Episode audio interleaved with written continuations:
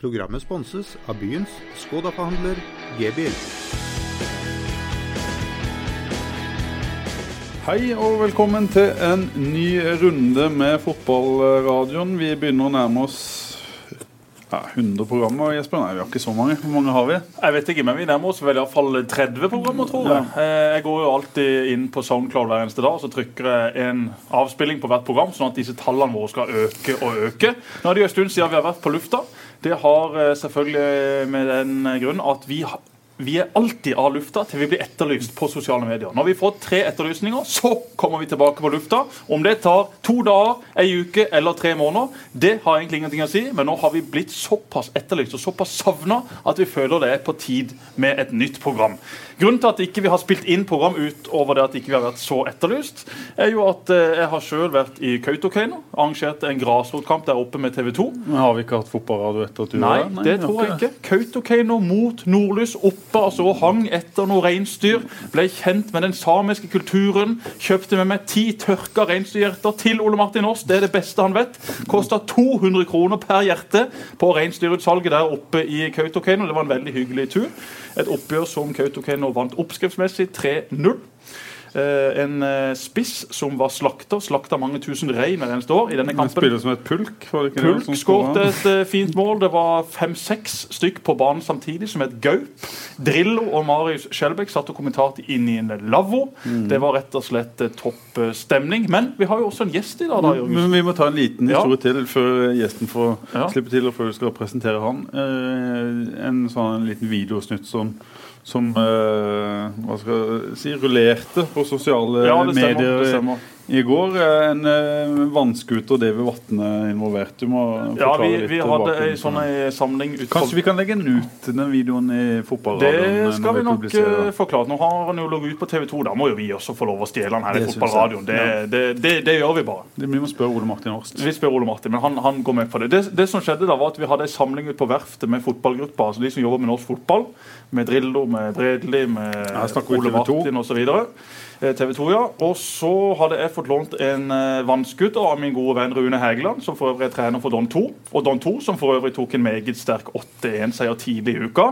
Bror av Espen Hegeland, som jobber Espen på Hegeland, SFO på sønn av Ole Hægeland, sportslig leder i, i Don. Og Hægeland-familien er veldig kjente i uh, Lunds-området. En meget flott familie med meget flotte mennesker. Reidun mora lager fantastisk mat. Var der på 17. mai. Fikk servert både det ene og det andre. Altså Det var kaldt koldt på, det var varmt koldt på. Alt hva du kunne tenke deg, både av mat og ikke minst drikke. Det er tilgjengelig. De har også en bar i kjelleren. Bar 22. Rune Heggeland blir kalt for 25. Det skal vi ikke gå nærmere inn på, men mannen er to meter høy, så da kan lytteren sjøl tenke seg hvorfor han hadde dette kallenavnet. Men vi var da på Ny-Hellesund, verftet. Uh, Davy sto og fiska. Som bergensere flest kan han ikke fiske. Ole Martin sto og fiska med han. Jeg fikk øyekontakt med Ole og sa gå nå litt vekk. Ole skjønte hva som skulle skje. for han har sett meg kjøre vannskuter før. Freddy Dos Santos satt bakpå. En scooter som har 260 hester, som nå er blitt lovlig å kjøre etter at Norge og politiet og alle andre sånne etater har tatt til sunn fornuft. Så kommer jeg da mot land. Eh, Jeg legger den scooteren litt til sides og gir bånn hyle. Davy blir kliss klass. Bukser, gensere, truser, T-skjorter, singleter. Alt ble vått. Han står der og vet ikke helt hva han skal gjøre. Han har jo et sånt forhold til meg som er veldig bra. Sånn at eh, jeg tror nok Uansett hvem av de andre som hadde gjort det, så hadde han blitt forbanna.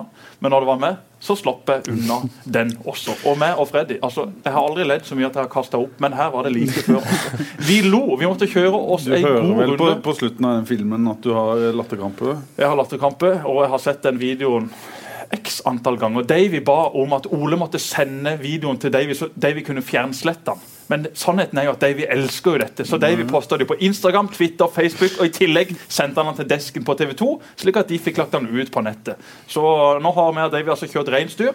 Der brakk han jo et ribbein, sa han. Det gjorde han ikke. Bare et lite blåmerke. Dette har vi også mobba han for. Han elsker å skape overskrifter.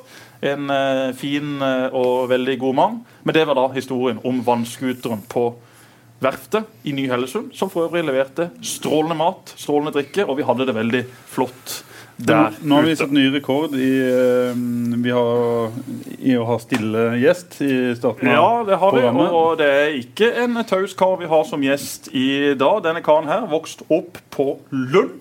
Vært noen år i eh, Vennesla, hvor han etter Steinar Skeies eh, sigende lærte seg å spille fotball. Det kan jeg avkrefte. Jeg har gått på skole med denne karen. Jeg gikk i 10. klasse, han her gikk i 8. klasse. Det var ingen på hele skolen som dribla sånn som han i gymsalen time etter time.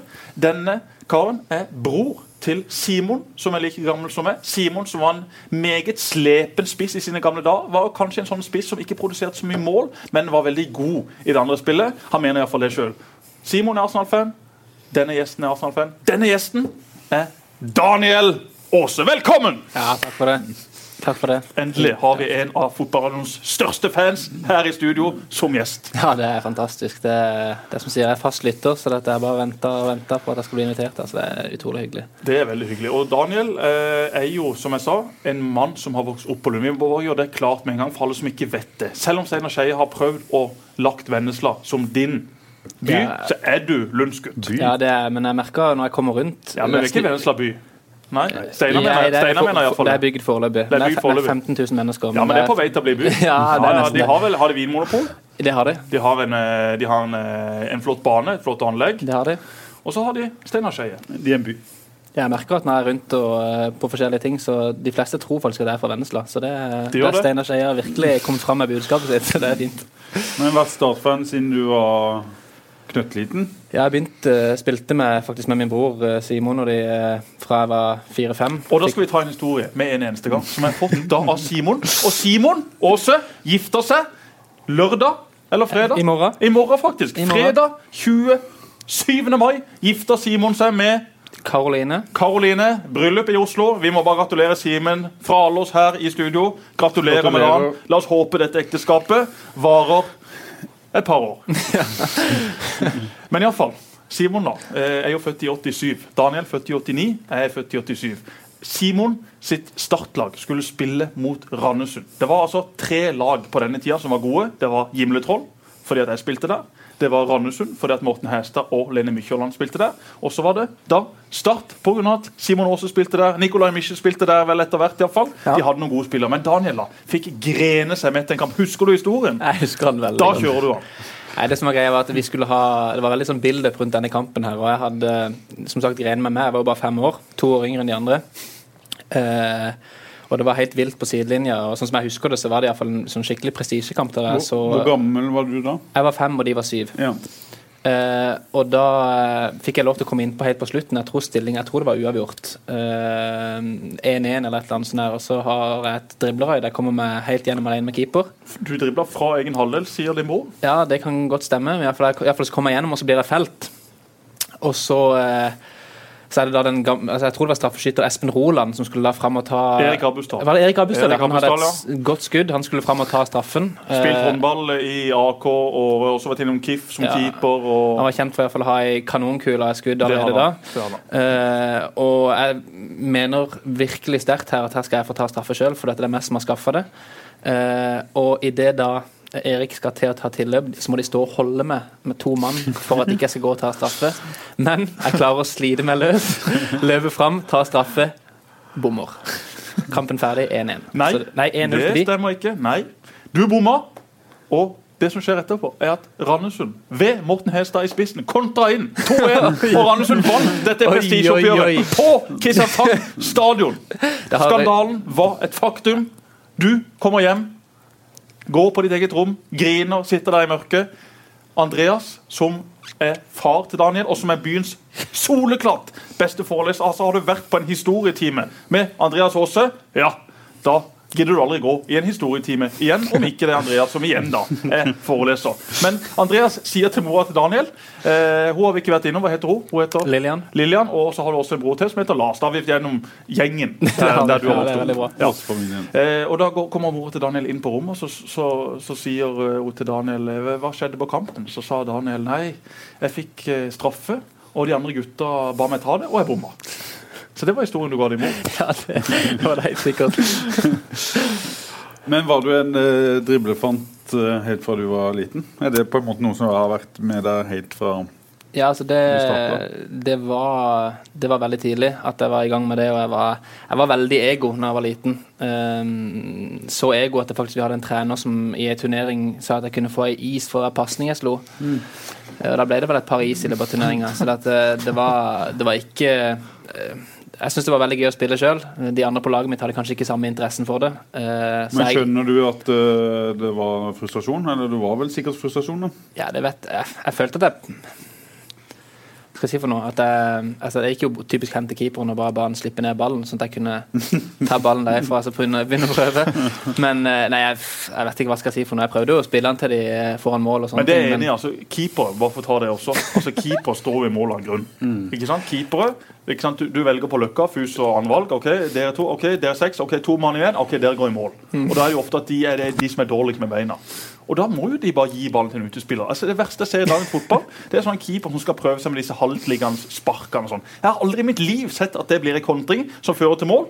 Ti av ti ganger blir det at du gir ballen til motstander. Det var egentlig bare det. Nå må du fortsette. Nei, jeg skulle egentlig ikke si noe mer enn at uh at uh, jeg, jeg tror jeg var, var relativt grei med de andre, men de var nok litt uh, De fikk ikke Men mye det er grunnen til at du er blitt så god til å drible? Det at du faktisk var så ego? Nei, Du- altså- Han er jo en egen klasse her på Sørlandet til å drible Daniel Aase. Er det fordi han har vært ego, Jesper, når han var liten?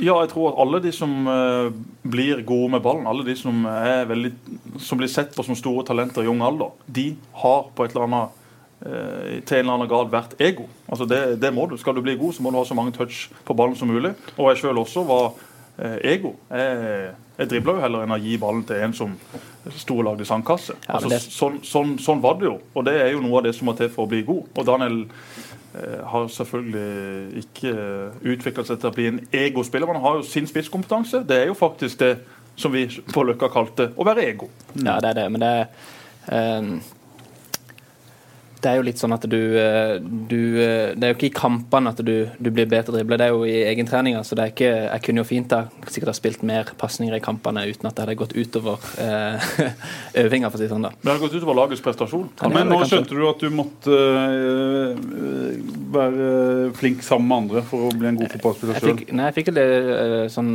stor overgang når Morten Halvorsen og Eivind Tellefsen tok over som trener da vi var 13-14 år. Da kom de inn, og da ble vi plutselig et veldig eh, spillende lag. Som skulle, vi hadde gode spillere på alle posisjoner. Eh, vi kom til stort sett alt som var finaler og kretsmesterskap og sånne ting. Og da, da var det å være en del, da var det å lempe ballen inn til Khalili foran kassa som skulle stange han inn. Eh, så da endra rollen seg, og det var helt fint, det. Men da tror jeg jeg hadde hatt godt av å, å få, få dribla mye i barndommen, sånn at jeg så kunne jeg variere spillet. Vi snakker litt mer om hans øh, karriere. Eh, eh, var i start du var 18-19, eller? 18, ja. ja. Og så reiste du til, til Vennesla og Vindbjart, og så tok det mange år før du kom eh, ned igjen. Og hva tenker du sjøl om den veien du har gått før du havna i Eliteserien, som jo er en eh, sett utenfra en ganske lang og kronglete vei? Ja, altså det som eh, Det var jo den Når Start rykka ned i 2007, og da Start 2 ble tvangsflytta ned, så var det ikke aktuelt for meg å begynne å spille. Jeg hadde spilt flere år med andredivisjon, og det å da gå ned og spille tredjedivisjon ble en litt dårlig arena, følte jeg. For du, har, du har, føler sjøl du presterte godt i andredivisjon og Start 2 var i andre? Jeg, synes, jeg har aldri syntes at det var feil, eller at det var noe Altså, vi hadde landslagsspillere i bøtter og spann da, som var ett og to år eldre enn meg eh, hele veien. Og eh, jeg forst... Altså Hvem var det?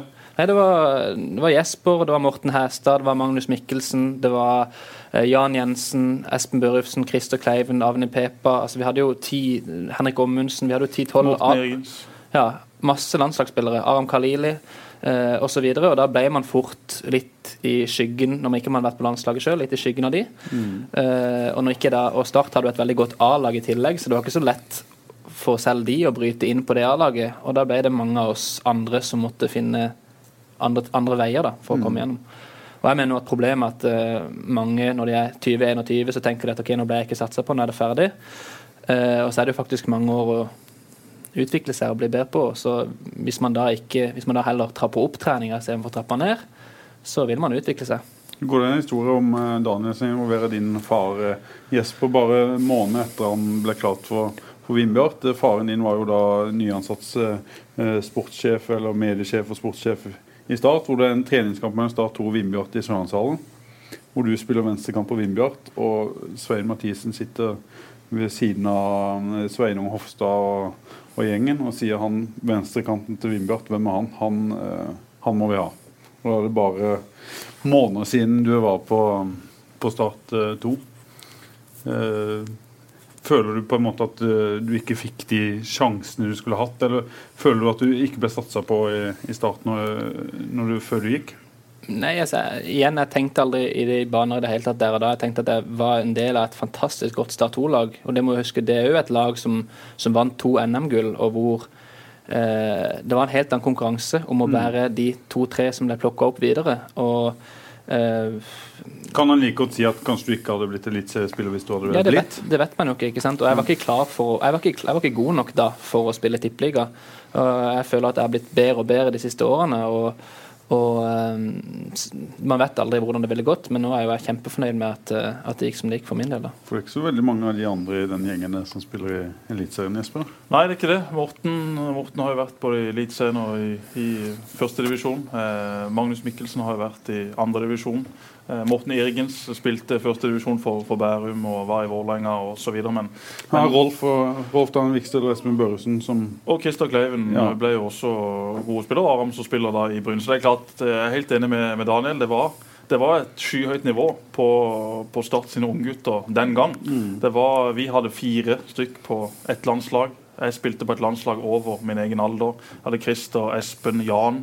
Det var tre-fire folk på det landslaget under der også. Og så kommer da 89-generasjonen med, med Daniel. Og da er det sånn, det er litt med timing og tilfeldigheter. det der. Altså, hvis, hvis Hadde Daniel vært ung i Start en dag i dag, hvor Start har mye færre landslagsspillere, ja, så hadde verden vært en helt annen. Sånn er det.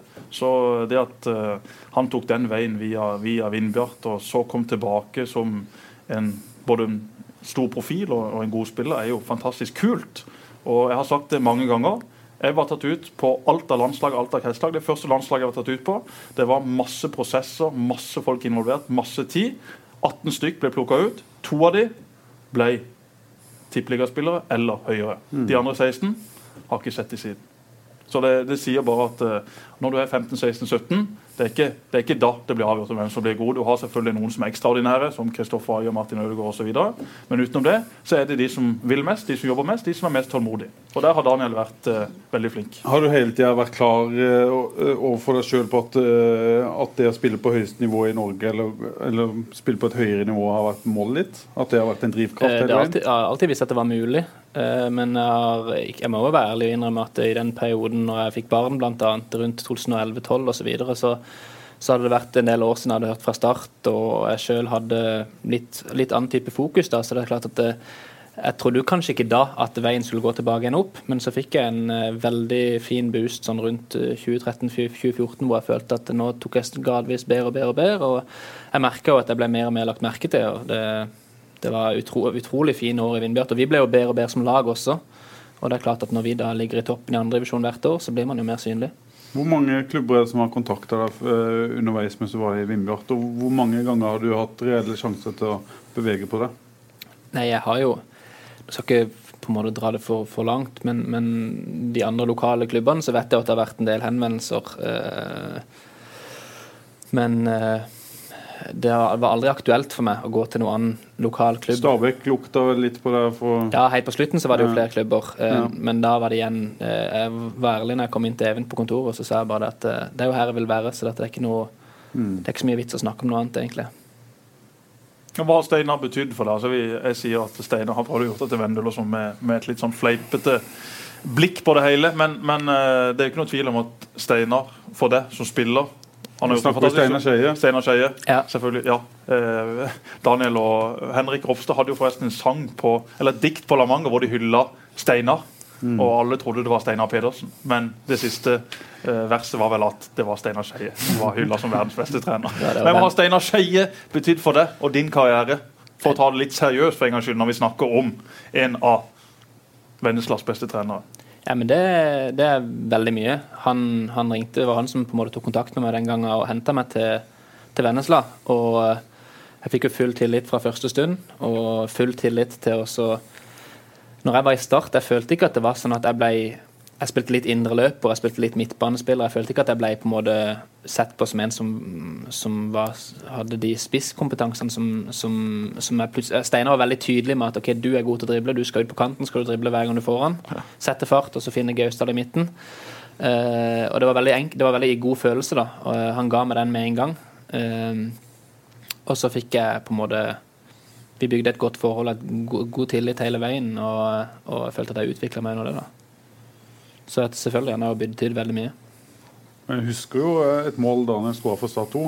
Da jobba jeg som journalist i TV Sør den gangen. Jeg tror du dribla tre-fire mann og lobba den i krysset, og vi plukka det ut som et eget klipp som vi, vi viste. En kamp på stadion i andredivisjon. Jeg vet ikke om du husker det målet sjøl? Nei. Det var, Men, men han hadde det da òg. Ja, og når han spilte i Vindbjart, da når vi møtte dem med Start eh, Nå spilte jo ikke jeg den famøse kampen når Daniel og co. påførte Start kanskje tidenes mest pinlige tap. Men eh, vi spilte jo mot Daniel i flere cupkamper og i treningskamper. Det er klart Daniel gjorde jo noe med det som motstander. Det var jo alltid han du frykta. Og jeg, jeg gjorde jo det jeg kunne for å for å få han ut av kampen. Eh, han spilte jo ofte ikke sånn direkte mot meg, men jeg var jo i hans områder. Så det er klart at eh, jeg vet at jeg har vært veldig stygg mot Daniel med ting jeg har sagt i kamper, og det må jeg bare beklage. Nei, Men det- Men Hvordan var han å spille mot Daniel? Helt ærlig. Helt ærlig Uh... Hva, hva snakka dere om i garderoben eh, etter kampen når Jesper spilte og var på sitt verste? Altså Jesper var um, Det som var greia, da, det som var litt for min, for min del, så var det det som gjorde at det føltes litt sterkere. Det var jo at eh, Jeg var jo Start-fan ikke sant? og syntes at det var veldig stort å spille mot Start. Var han sånn, Du blir aldri god nok til å spille for oss? og Sånn? Nei, det var ikke så, nei, jeg skal ikke si at det var så stygt, men det var på en måte Det var litt den der, det taktiske spillet for å få meg ut av fatninga, som du sier. ikke sant? Og det, det er jo klart at jeg, jeg må innrømme at jeg ble prega av det de første gangene. Fordi at, eh, fordi at eh, Som sagt, jeg syns at det var veldig stort å spille mot de gutta som jeg da var og så på kamp på Sør Arena osv. Eh, men eh, som sagt, de siste syv-åtte årene så har huet. Nei, vi har hatt et, strå, vi har hatt et strålende forhold tidligere. hører, Men, men jeg hører bare for meg garderoben etter kamp Gud, for en idiot han er Jesper Mathisen. Det Jo, var men jo så, det- og, men du visste jo at det var sånn òg? Ja, ja. Og det gjorde meg ingenting. Nei. Eh, Men det var sånn, Daniel, var det ikke det? jo, altså, han var um, Her kan du være ærlig, Daniel. Ja, han var ikke populær i den forstand, altså på en måte i forhold til at, eh, at du Vi hadde jo eh, Igjen, det kommer an på Hva skal jeg si for noe? Du ser opp til en person, ikke sant? og da, da tåler du mindre fra den personen ikke sant? i forhold til å få kritikk osv., og, så videre, og da tar du mer til det. Men, eh, men, så, eh, men så sier jo du at det fungerte òg. Det var vel det Ja, ja. som var, du ville oppnå. Når en ser på det på en Det måte i ettertid, så ser en at å, Ja, da jeg var ung i hvert fall, så fungerte Ja. det jo godt. Det er det ingen tvil om. Men eh, etter hvert så, så ble det mer sånn at, eh, at uh, du Hva var Hva sa han, da? Nei, at, eh, at han, kan, han kan jo ta Han, eh, han er bare for ut av kampen. Han er bare ta ballen fra han, eller han, eh, Ja. han kan bare stå tett oppi, han har ikke fart. Og, ja. Er sånne ting. Ja, nei, eh, Nå er de sure. Ja, ja, ja. Altså, nei, men eh, jeg vet at eh, altså, Daniel, det som liksom Jeg sitter jo, har jo ofte sittet etter kamper jeg har spilt og tenkt hva, hva er det som går galt? Hva, hva er det som klikker opp i huet ditt? liksom? For jeg, sånn som med Daniel, som jeg alltid hadde godt forhold til, gått på skole med han, vært kjempekamerat med broren, kjenner veldig godt foreldrene, vært hjemme hos de mange ganger. Eh, det eneste jeg har imot er at de er Arsenal-fans. Eh, utenom det så er de veldig fine. Men, så, Men angrer det- du på det? At du har Nei, vært en drittsekk på banen? Nei, jeg gjør jo egentlig ikke det. Altså, det er gamet, det er spillet. Eh, og så skal man noen som, som Jeg vet jo sånn som eh, ja, med Daniel så Daniel er en av de jeg har vært aller styggest med.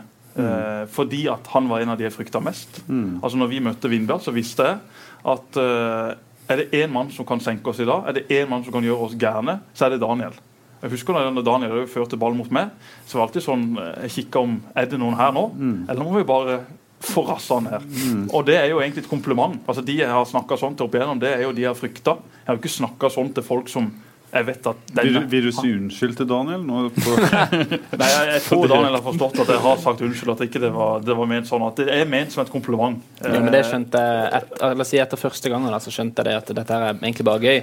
Men du, som første gangen så blir du tatt på senga. da Du gjør det. Det. er det noen sånne spillere som han i Start nå? Eller som Nei, er altså- litt eh, tøffe i kjeften og som slenger på banen under kamper? Eller er det er, Finnes ikke de lenger?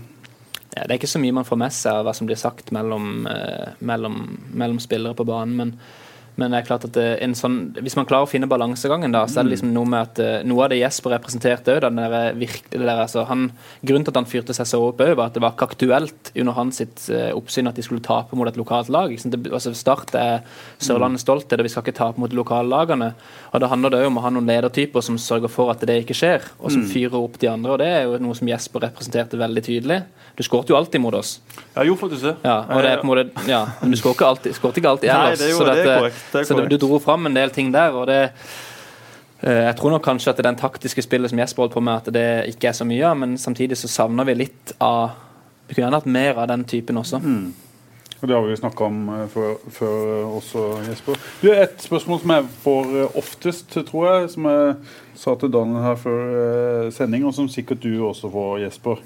Eh, når vi diskuterer å starte med folk, hvorfor spiller ikke Daniel Aase? Og det står jo Sosiale medier er jo mye Når Daniel spiller, så jubler folk. Og når han er på benken, så klager de over, over laguttaket. Hvordan opplever du den støtten, Daniel? Eller kjenner du den på kroppen? At du på en måte er en publikumsfavoritt? Ja, jeg kjenner jo veldig, veldig tydelig på det. Jeg merker det jo. Um, og jeg syns det er veldig hyggelig. Altså, jeg kan ikke klage på at, at at folk syns at, at jeg skal ha lyst til jeg spiller. Men det er klart det er men, hva, men, du får sikkert samme spørsmålet. Hva svarer du da? Nei, jeg, jeg tror at uh, sånn For min egen del altså, jeg tror at jeg har funnet en, en, en, riktig måte å tenke på rundt det. Eller at, at, at jeg tror at jeg tenker riktig rundt det. At uh, det eneste som egentlig har noe å si altså jeg, jeg, tar med meg støtten når jeg kommer inn på banen på Sør-Arena og jeg hører at det, at det, blir positiv stemning, så gir det meg selvtillit til å spille bedre. Mm. Så det er jeg jo kjempeglad for. Men det eneste som har noe å si for meg, er jo at jeg kan bidra til laget, og at uh, jeg har en trener som At jeg gjør de tingene som treneren ønsker at jeg gjør for at jeg skal hjelpe laget mest mulig. ikke sant? Uh, så det vil si at uh, sånn som i de siste kampene, så har jeg enten starta eller kommet inn rett etter pause eller til pause. Det syns jeg er jo et, det er jo et tillitstegn for treneren. Og og så har jo han en forklaring på hvorfor du ikke spiller, som han både gitt oss og sikkert til deg òg. Så er det vel om å gjøre for deg å prøve å forstå det, da. Ja, altså må, det er som den miksen mellom Man må, må, forstå, hvis ikke så kan man ikke lære. Hvis ikke mm. man, man, tar til seg de tingene man hører, så har man ikke sjanse til å komme seg ut av den situasjonen. Samtidig så må man være litt uenig, for at man mener sjøl at man har noe å tilføre laget. Mm. Og det vet jeg at Steinar òg syns at jeg har. Men det er som den miksen mellom å være litt eh, forbanna for at du har lyst til å spille, men samtidig så så vet du at treneren alltid tar ut det laget han syns er best. Altså det er som, hvis, folk som tror noe annet, det er jo idioter. Mm. Det er jo det. Ja, altså, han tar ut det laget han syns er best for å starte, og da må jeg på en måte finne min plass i det. da. Og Så handler det om å, å gjøre det til en ting som ikke blir ødeleggende for deg sjøl? Ja, og så, ja. er det det, det å være klar. Eh, altså sånn som sant, Å komme inn til pause mot Rosenborg sant, det er jo en fantastisk opplevelse for min del. Altså, mm. det Å spille mot som sagt, Norges beste høyreback. Eh, så jeg, For min del så er jeg fortsatt i den Jeg har lyst til å spille mest mulig, men jeg mm. syns allikevel at jeg får oppleve masse gøy, og jeg syns at jeg får være med og bidra. Og Programmet blir sponset av byens Skoda-forhandler G-bil. Både Mons og Bård og Steinar har brukt som et argument at laget kanskje må fungere bedre før du eh, slippes til eh, for, for, fullt. Er du enig i det, eller? Altså, alle, alle som som skjønner at det er bedre offensivt enn defensivt. Eh, jeg har ikke et veldig stort tempo osv., men, men um Hiring for your small business? If you're not looking for professionals on LinkedIn, you're looking in the wrong place. That's like looking for your car keys in a fish tank. LinkedIn helps you hire professionals you can't find anywhere else, even those who aren't actively searching for a new job but might be open to the perfect role. In a given month, over 70% of LinkedIn users don't even visit other leading job sites. So start looking in the right place. With LinkedIn, you can hire professionals like a professional. Post your free job on linkedin.com slash people today. Du kan jo, det kommer an på hvordan du ser på det. da. Du kan jo tenke at uh, hvis jeg spiller, så, så er jeg med til forhåpentligvis på mitt beste at laget får bedre flyt offensivt. ikke sant? Sånn at du, Man kan se det fra forskjellige sider, men, men uh, ja, altså selvfølgelig, hvis, man ikke får, hvis ikke vi er inne på motstanderens halvdel, hvis vi uh, blir pressa bakover osv., så, videre, så så har jeg ingen problemer med å forstå at det finnes andre som kan løse de oppgavene bedre med. Får vi se Daniel i fyr og flamme på søndag, Jesper? Jeg, er helt sikker på at det kommer seier nå på, på, søndag. Jeg mener nå at uh, en ser tegn til at en er på vei sakte, men sikkert uh, oppover. Jeg syns det er mye positivt for tida, for å si det. Eh, er du enig? Ja, enig i det. Og jeg tror uh, vi får se Daniel Aase i fyr og flamme på søndag. Hadde eh, pappa har vært eh, sportsdirektør i Start nå, så er han en type som hadde gått ut på torsdag fredag og sagt hei, nå må vi ut med at Daniel skal spille. For det er spiller som Daniel. Folk kommer for å se.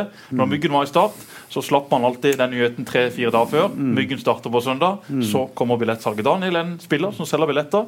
Det finnes det ikke mange av i Start. Det finnes ikke mange av det i norsk fotball. Sånne entertainere som Daniel, de må selvfølgelig dyrkes. Nå har du også slitt litt med skader, litt med sykdom osv. i årets sesong, som har gjort at det ikke har blitt så mye spilletid som man kanskje trodde på forhånd.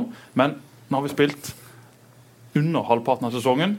Det er nå slaget virkelig står. De neste kampene, spesielt nå på søndag mot Stabæk, blir jo en kjempe, kjempe, kjempeavgjørende kamp for resten av sesongen.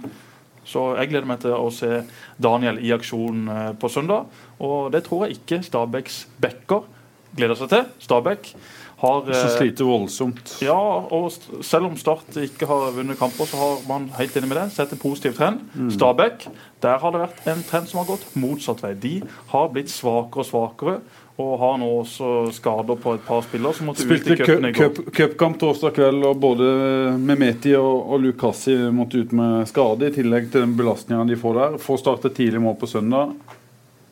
Så eh, snakker vi storseier. Ja, og så mobiliseres det jo inn mot eh, naboklubbene. Eh, Våg, Randesund, det kommer kor. Altså, på søndag, folkens, vær så snill å komme på kamp. Altså, man trenger all støtte i verden. Stabæk hjemme, siste laget man slo i Tippeligaen. Siste kampen til Kristoffer Ayer. Kom nå. Siste kamp før ferien. Siste kamp før det skal spilles EM i Frankrike. Kom på stadion. Flott vær. Daniel Aase skal entertaine. Skal gjøre den ene Stabæk-spilleren etter den andre svimmel. Men alle dette- de poengene der, Daniel, hva, det sier jo noe om hva denne kampen betyr. I tillegg så er det jo, eh, vi, eh, hvis en ser på tabellen, de to lagene som ligger i bånn. Eh, hvis Stabæk vinner, så er det en stor luke. Hvis Start eh, vinner, så klatrer de forbi Stabæk av heng på de andre lagene. Det er mange poenger i denne kampen. Eh, er det sånne ting som dere egentlig ikke skal snakke om og ha fokus på? Eller er det lov å, å tenke litt sånn nå? Det er lov å snakke om det. det, det altså, hvis, ikke, altså, hvis ikke man blir gira, at det jazzes opp litt før kamp Mm. og syns det er gøy, og det at det kommer ekstra folk, så er man jo i helt feil Jeg tenker mer på tabellposisjonen og viktigheten av, jo av kampen. altså, kampen. jo, men altså, selvfølgelig er det en viktig kamp. Selvfølgelig så skal vi vinne, ønsker å vinne den kampen der. Men hvis, altså, hvis vi taper den, da, så er det fortsatt gått tolv 12 kamper, og vi har 18 kamper igjen. Altså, det, er på en måte, det er jo ingenting som er avgjort enten man vinner eller taper. Men med en seier så kan det selvfølgelig være med en så, sånn skikkelig positiv snuoperasjon før ferien. Og, og eh, vi har selvfølgelig fryktelig lyst på den, men eh, jeg går ikke med på, på den der eh, tabloide greia med at det, det, denne kampen som. Nei, nei, det, for det, sånn er det jo uansett ikke. Nei. Men, men i, sånn, i positiv forstand, så med en seier så kan det være den turning pointen som vi trenger. Og vi skal ikke være tabloide i fotballradioen. Vi skal bare være litt, litt tabloide. Men, men det er ikke noe tvil. Men seier, tenk deg det. Altså, Ja, ja. inn i en pause, inn i en ferie, eller inn, i- inn i en pause Ikke en pause og ferie, men inn i en periode med egentrening. trening så og så med tanke på publikum, sponsor altså Det drar med seg så enormt mange positive ting. Så eh, ja. Så en ting, jeg, jeg har jo sagt flere ganger at jeg mener Start har vært det dårligste laget i Eliteserien. Jeg sa det når de rykka ned, at de er det klart dårligste laget som er i Eliteserien i, i 2016. Jeg sa det i vinter at akkurat nå er de dårligst. Jeg mener nå at nå er ikke Start eh, dårligst lenger. Nå er de minst på høyde med et par-tre lag i, i serien. Og da må en vel si at eh, at de er, de er på rett vei. Bedre enn Ålesund. Eh, kanskje bedre enn Stabæk. På høyde med Sogndal, viste dere jo, jo sist. Føler du òg, Daniel, at, at det skjer noe? At en på en måte har en, en utvikling her? Ja, altså det er jo Jeg husker når jeg kom til Det Start i egentlig, jeg høst. må bare si, det er jo egentlig et dumt spørsmål å si en Start-spiller. Er det ikke det? Jo, det, det, det, du får ikke noe gode svar av det. Altså, Hadde, han sagt, hadde han sagt nei, så hadde det vært en god sak. Ja, men det, det, det, det kommer jo ikke. Daniel er godt skolert. Da Roy Emanuelsen, vår mediesjef, han vet hva han skal svare. La oss gå videre Ja. nå over til ting som uh, Vi har fått tilsendt noen ting, men det er jo ikke mye vi har på Daniel. Altså, det er fryktelig vanskelig å finne noe. Uh, men Preben Skeie, sønn til Steinar han er jo en god kompis av Daniel. Han skriver følgende Utrolig vanskelig å ta med han på noe som helst. Smarteste, snilleste, mest fornuftige fyren jeg kjenner. Men han er jo et surrehø av en annen verden på noen områder. Det ser man år etter år på botkassa. Er du surrete, må du betale mye bøter i løpet av et år. Ja, altså, der er på de, på de tingene der så er jeg håpløs. Jeg har vært hovedsponsor i alle år eh, i Innbjart fordi at jeg, jeg glemmer ting og styrer og ja. Og jeg har eh, Så går du aldri med to like sokker. Jeg går aldri med to like sokker. Det gjør jeg ikke nå heller. Det kan du se her. Ja, En hvit og en, Ja, en hvit og en hvit, hvit, men det En hvit og en hvit, men eh, ikke samme sokk. En Nike. Nei, nei, nei, det var Umbro. To Umbro-sokker. To Umbro-sokker. To Umbro-sokker. Vi kan ikke ha flere bøter nå. Eh, og så står det jo at du kan gå med T-skjorta på vranga. Den har du klart å treffe på i dag. Ja. Eh, og når eh, dere var på ferie i Spania, sto bilen hans ulåst på Torp i 14 dager. Det er også korrekt. Ja, men altså, Det er jo ikke så farlig. At det en bil står ulåst inne på Torp med fullt av kamera, Preben Skeie. Altså, den må du lenger opp i dalen med. Altså, for det, er noe, det er jo ikke noe spesielt. Det har jeg gjort 100 ganger på Kjevik, og den bilen den har aldri blitt stjålet. Men det er jo sånn triks på Kjevik, vet du. Som eh, Rolf Daniel Vikstøl er en foregangsperson for. Du vet Når du har parkert på Kjevik, så skal du egentlig betale når du kjører ut. Men hvis du bare legger en haug av biler på rekke, så er det denne sensoren på bommen så før, Hvis førstemann betaler, så kan du kjøre ti biler i kø uten at den bommen kommer ned. Så hele A-laget til Start suser gjennom bommen ut på Kjevik. Jeg gjorde iallfall det for noen år siden. Det er sikkert forbedret nå. Jeg skal, ta, jeg, skal ta et, eh, jeg skal ikke si hvem jeg er fra, bortsett fra at det er en politimann. eh, Oi. Som, det du til skal, som du skal på Nei. ferie med. Hvor uh, Du er reiseleder for ferieturen til, til og noen kamerater nå. Hvor, hvor skal dere? Nei, Vi drar uh, med, med, bi- med bil nedover i Europa. Kjører, får med oss litt uh, ned til München, ned til Alpene. Og så tenkte vi få med oss åpningskampen i EM. altså ikke se selve kampen på stadion, men i Frankrike i hvert fall, altså være i en VM-by mens det skjer. Det blir veldig fint. Da blir sikkert Lars Kristian Thorsen glad for det svaret. Han vet ingenting, sier han. Thorsen vet ingenting? Nei, Nei, men han, han, han ble med. Han, eh, vi kommer til å plukke han opp i Danmark. for Han ble med i siste liten. Altså han, ja. Han må gjøre politiarbeid i Danmark før han, før han uh, blir med. Lars Kristian Thorsen, en kraftspiss som eh, vel har lagt opp. Eller spiller på ja, han spiller fløy litt på fløy to nå, men han eh, fikk dessverre mye skader med seg. Så står det at du har falt for indisk mat, og at du spiser veldig mye indisk eh, i disse dager. Ja, det er den godbiten der på, eh, På rundingen. på rundingen der. Ja. der eh, butter chicken og sweet naan der, det, det snitter på en gang i uka. Han er fin, den, eh, den på rundingen. Jeg, jeg, jeg spiste den vel fem-seks ganger på to uker. Ja. Så ble jeg matforgifta. Altså, jeg kasta opp så mye indisk at det kom indisk krydder ut av ører og nese i flere uker. Siden har jeg ikke vært der. Jeg fikk i meg noe dårlig kylling. Så de får ingen skryt fra Mathisen, eh, utenom at de lager god mat. da. Men jeg ble, etter jeg ble matforgifta, jeg har kjørt rett forbi den sjappa der. Ligger jo da rett ved siden av bingoen, hvor jeg selvfølgelig er innom et par ganger i uka og leverer inn et lite lodd. Men eh, nei, den, eh, den, den får du ikke med, med på å anbefale. Og så har vi også fått Steinar Skeie til å sende inn noe. Han skryter selvfølgelig også av Daniel. Det må legges til at, at eh, Steinar Skeie er jo da bestefar til ditt eh, barn. Det Det, må legges til her. Det må legges til. Selvfølgelig må det legges til. Eh, og Eller er eh, han farfar? Morfar? Morfar. Morfar. Morfar. Ja, for han Ja. er ikke din far. Han er ikke Det min far. Nei, det er jo Andreas Aase. Byens beste foreleser. Sånn var det. Eh, Steinar Skeie sier da at han er helt håpløs på alt som heter verktøy. Skjønte ikke hva en skiftenøkkel var, før etter et par år oppe i Vennesla. Du kan ikke spille i Vindbjart og være i Vennesla uten å vite hva en skiftenøkkel er. Jeg vet fortsatt ikke hva det er, helt ærlig. Eh, Jeg vet ikke hvordan det ser ut. Men har, det, det der er håpløst. Jeg husker jeg flytta inn, og så hørte jeg på visning at det var snakk om en garasje som tilhørte huset. Men eh, når vi skulle flytte selv, altså et år senere så hadde jeg fortsatt ikke vært i garasjen. Jeg visste ikke hvor han var hen engang. Han var 20 meter på bortsida der. Så det, det er de tingene der som er fryktelig sløv på. Og så er det jo da en, eh, en rå krydderspiller, sier han selvfølgelig, og så betydd masse for uh, Vinbjart. Og spesielt da den eh, beste IFO-en i Norge. Det må du også fortelle litt om, for der har du vært veldig sentral med å kjøre i gang dette og være aktiv der oppe. Og Han skal opp der etterpå, Daniel. Jeg har bedt om Han han skal får gå om eh, sending. ikke så, så lenge, sånn at han rekker jobben oppe i Ja, jeg skal opp nå og hente noen uh, Fortell litt om hva dette går ut på. Det er jo et etterskoletilbud hvor vi henter eh, barna på de forskjellige skolene ned til Mosjømoen. Og så har vi et variert eh, aktivitetsopplegg for de, både fotball og andre idretter. Ehm, og det har jeg fått lov til, eller vært daglig leder for det da i de fem siste årene. Som har gjort at jeg har hatt muligheten til å kunne eh, bestemme litt hvilken retning vi, vi skal ta det. Og det er jo utrolig gøy. Det, jeg merker for min del å kunne kombinere litt fotball, eller hoveddelen med fotball selvfølgelig i start, men det å kunne ha noe annet å gå til etterpå, tror jeg det er veldig gøy for min del iallfall. Det var noe du ba om når du skrev kontakt med Ja, det er riktig. Ja. Det er eksemplarisk. eh, Det er veldig eksemplarisk. Jeg husker uh, at Even sa det, at Daniel hadde bedt om å få lov å fortsette med det der oppe, selv om han skulle komme til start. og Det forteller mye om Daniel. Det er mange som hadde gått hjem og lagt beina på bordet og vært fornøyd med det, men han brenner jo virkelig for det der oppe. Og det er jo klart, det gjøres jo mye spennende med unggutter og ungjenter i Vinbjart sine avdelinger nedover. Det kommer til å komme veldig mye gode fotballspillere fra Vennesla de, Ja, vi- de, de nærmeste årene. Vi tror jo det. Nå har det jo allerede kommet en landslagsspiller fra IFO-en, eh, Daniel Johansen. Eh, Så det at eh, Det er veldig, veldig gøy å være med på, jeg må si det.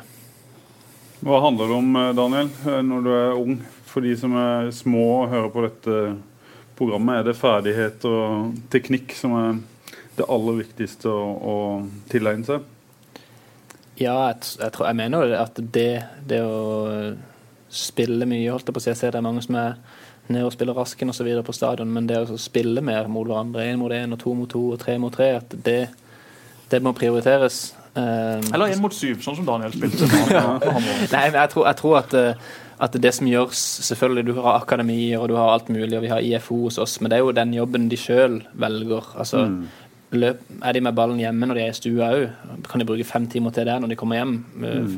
Fører de ballen på vei til skolen og på vei tilbake igjen? Altså, det er liksom, de som virkelig blir gode, altså, nå snakker vi jo ti ganger bedre enn meg, det er jo de som virkelig altså, bruker all sin tid på fotball. da, Og da holder det ikke med de der små fellestreningene i uka. Det er ikke det som gjør at de blir gode eller ikke.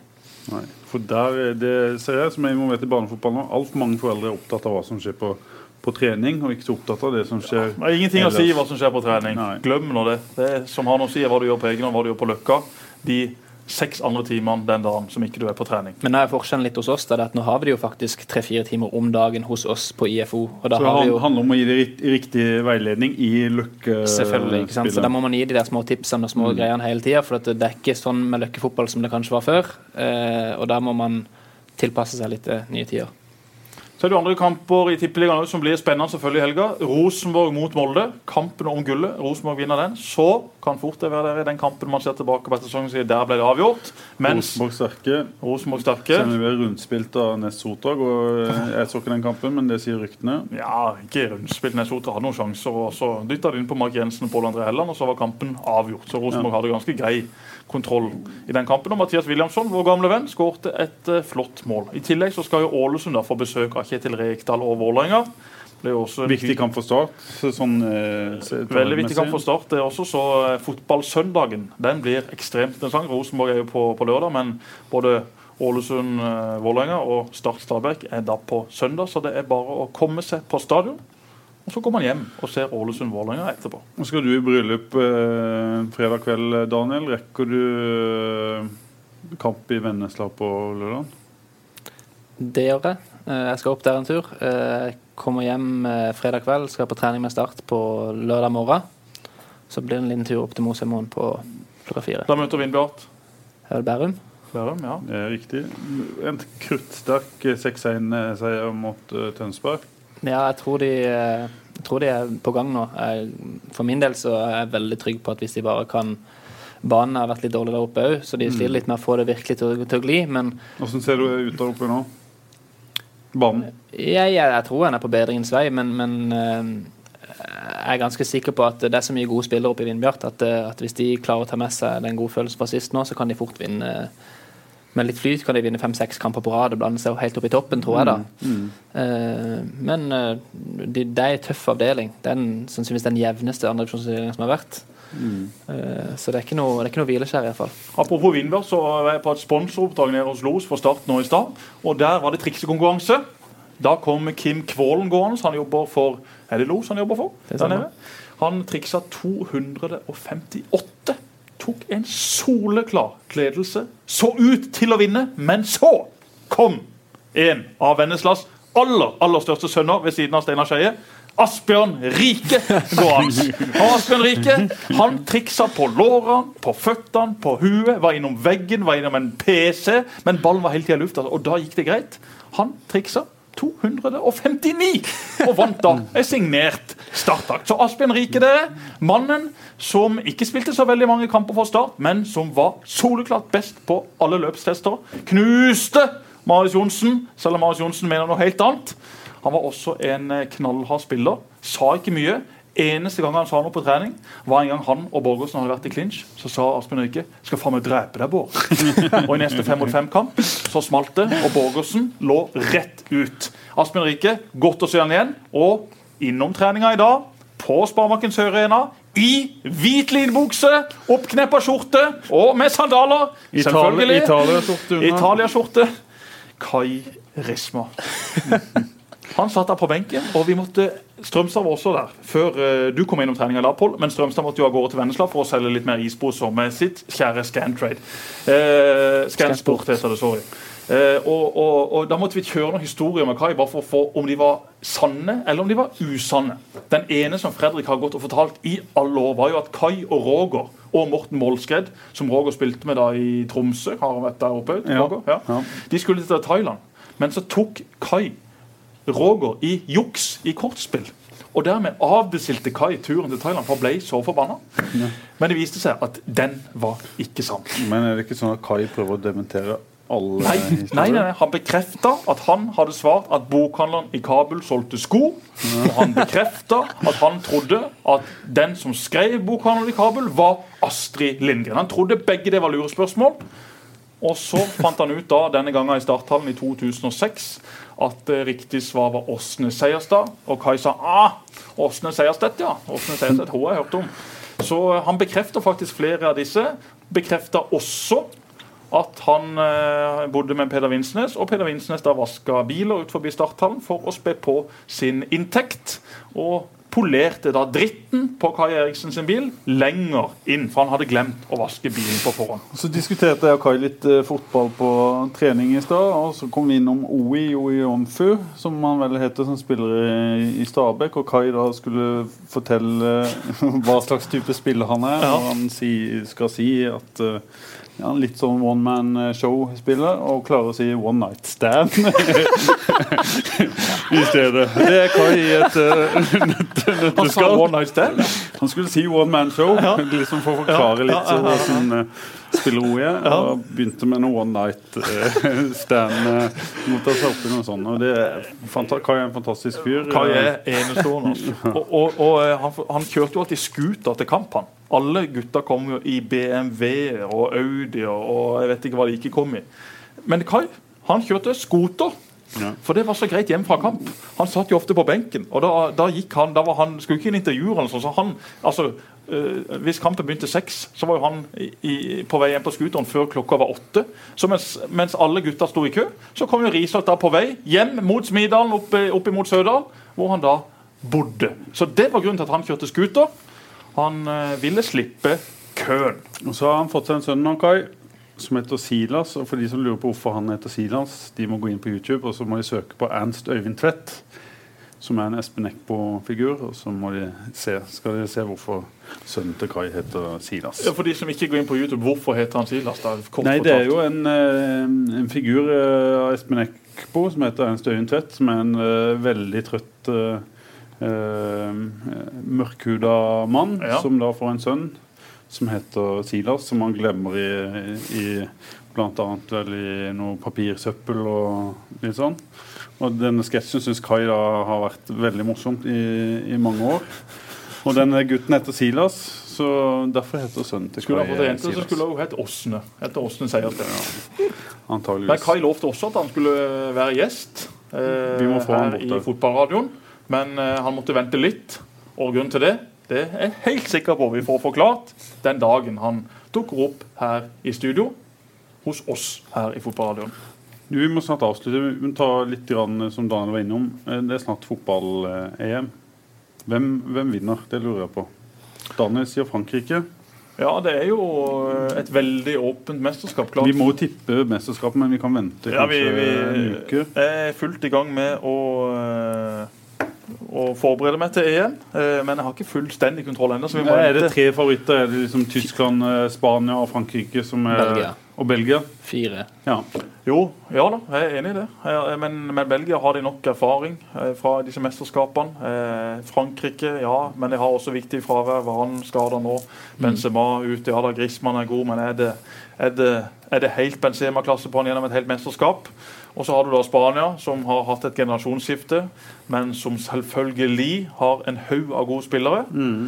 Så er det mange som sier i England at det Nei, beste nei, laget, best, beste laget i kvaliken, ti av ti seire. si. eh, De har, de har jo ikke egentlig et godt nok lag i utgangspunktet, men jeg er enig med Jesper at det, det er såpass mye altså forfall og utskiftninger i de antatt beste nasjonene at et lag sånn som, som England eller Portugal eller noe sånt kunne fort ha overraska, fordi de er ikke så overlegne, de beste lagene. Jeg synes jo Tyskland òg, de mangler jo spiss. og eh, De har jo Thomas Müller. er ja, eh, Tyskland trenger ikke spiss. Spania trenger heller ikke spiss. De er såpass gode. så Hvis jeg skal si to, Thomas Müller. Det to så er det Spania og Tyskland, så selvfølgelig Frankrike på hjemmebane. England, glem det. Altfor varmt, altfor lang sesong, altfor mye trøtte bein. Nå har, de, eh, nå har de hatt en sesong hvor Leicester har vunnet, med flere av de som skal være inne på det engelske laget. Ikke i nærheten.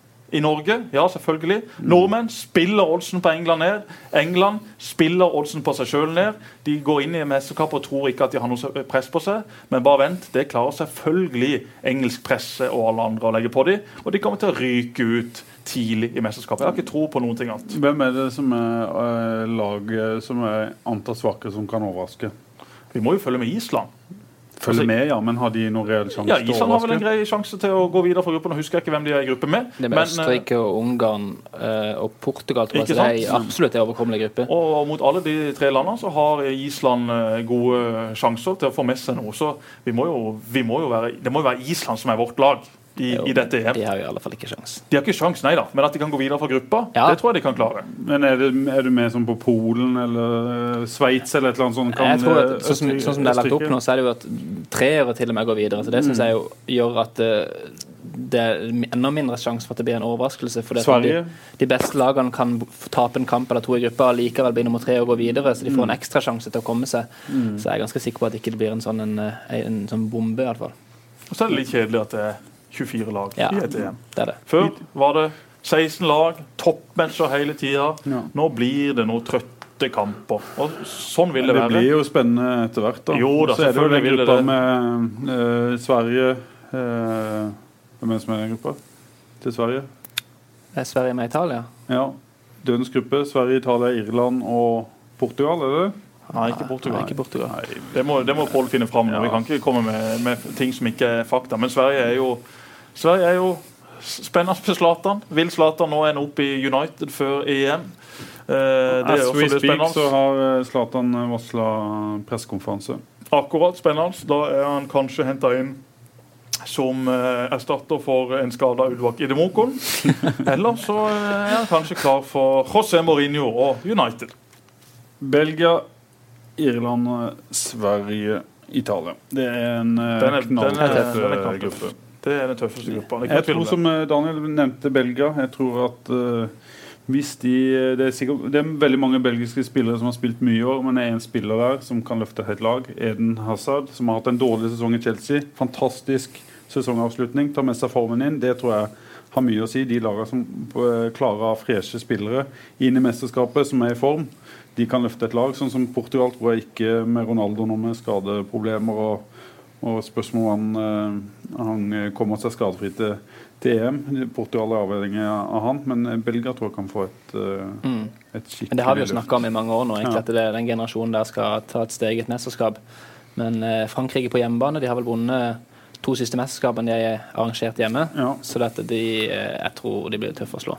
Så er Spania vel avhengig av å få i gang en Thiago i Bayern og en eh, Morata i, Juventus sånn for få ut potensialet vel, som ligger hos de unggutta som aldri har fått sjansen. Ja, så har de da Andres på midten, Ja. som løper rundt der og koser seg.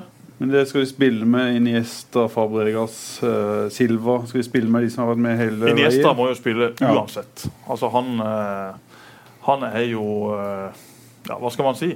Det er en spiller som hadde passa godt i Vindbjart, og da er det en god fotballspiller. Han, Så har de et greit stoppepar i Ramos og Piqué der. Spania er fantastisk eh, flinke, og bare se hvem de har utelatt av troppen sin, så, så er det nok til å imponere alle sammen. Men det blir jo fantastisk med EM. Eh, grunnen til at jeg synes det er litt kjedelig med 24 lag for oss som er totalt fotballidioter, så er det selvfølgelig gøy med så mye fotball som mulig. Men du får en del døve oppgjør. I, ikke døve, det fikk Freddy Dos Santos kjeft for å si en gang på, på TV. Det, det mente jeg ikke, det trekker jeg tilbake. Eh, jeg mente kjedelige oppgjør. Så eh, Men her er min. EM, nå er det French Open på, på TV i tennis, så kommer det Tour de France, så kommer det OL, så begynner tippeligaene, så ruller Obos gjennom hele juni. altså. For en sommer for oss som Hvor lenge elsker skal dere ha fri, eh, Daniel? Nei, altså Når det er Jørgen Rostrup som er fysisk trener, så heter det ikke fri, i alle fall. Eh, han er, vi Nei, fri fra fellestrening, kan Det jeg vel kalle det. det. er to uker eh, med fri fra fellestrening. Hører du hvor Eh, godt skolert han er blitt av Roy Emanuelsen? Vi har Ja. ikke fri. Da Nei, har vi vi har, eget vi har, det er reelt, det er, for, det er ikke fri. Det, det, det, det- fri, da? Nei, altså det er ikke noe poeng når du har brukt en hel vinter på å skulle trene deg opp eh, for å være klar for en sesong, så kan du ødelegge det i løpet av to uker hvis du ikke Så selvfølgelig kan man ta seg et par dager off og alt dette her, men det er jo helt, eh, helt mot sin hensikt å skulle ta seg fri over, over Ja. en lengre periode. Ja. Fikk vi klarhet til det. Du tar deg fri. Jesper, skal du ha ferie? Nei, jeg skal ikke ha ferie. Jeg skal til Bergen og jobbe under EM. Skal ha noe greier, analysestudio og noe greier der oppe. Så Så vi spurte om å ha flytte fotballradioen eh, ut til Flekkerøya. Det må vi komme tilbake ja, Det har jeg ikke svart deg på ennå, men det, det passer faktisk. Det, Det kan jeg svare deg på her nå, på uh, direkten. Da blir nok Paul Rikardsen og Gustav Steimler eh, klare. Det blir det. En fantastisk flott turnering som de arrangerer. Eh, og eh, det blir eh, garantert en folkefest også i år. Pleier alltid å være godt vær i denne turneringa, gjør det ikke det? Jo. Jo. Det er sånn er det når du legger an til Sørlandet. Ja. Skal vi bare si takk for i dag, og så lykke til på søndag, Daniel? Takk for det. Lykke til på søndag. Hils Simon og ønsk han lykke til med bryllupet, og ikke minst bryllupsnatta. Her skal det snart produseres nye startspillere, så la oss håpe de kommer i gang allerede fredag natt. Hils også Andreas, som er da byens beste foreleser. Hvis det er noen som er i tvil om hvilket eh, studie de skal melde seg opp i, så er han vel foreleser også nå, selv om han også har starta reisebyrå sammen med andre Egil Olsen, som jobba her i Feven før. Verdens største United-fan. Det stemmer. Han jobber som foreleser Han jobber som foreleser. Han har global historie på UiA. Fantastisk mann. Fantastisk flott familie. Og Daniel, unnskyld for at jeg var stygg i kjeften et par ganger vi møtte det i Vindbjart. Der kommer endelig unnskyldning- unnskyldninga. Da sier vi takk for i dag. Yes. Programmet ble sponset av byens Skoda-forhandler G-Bill.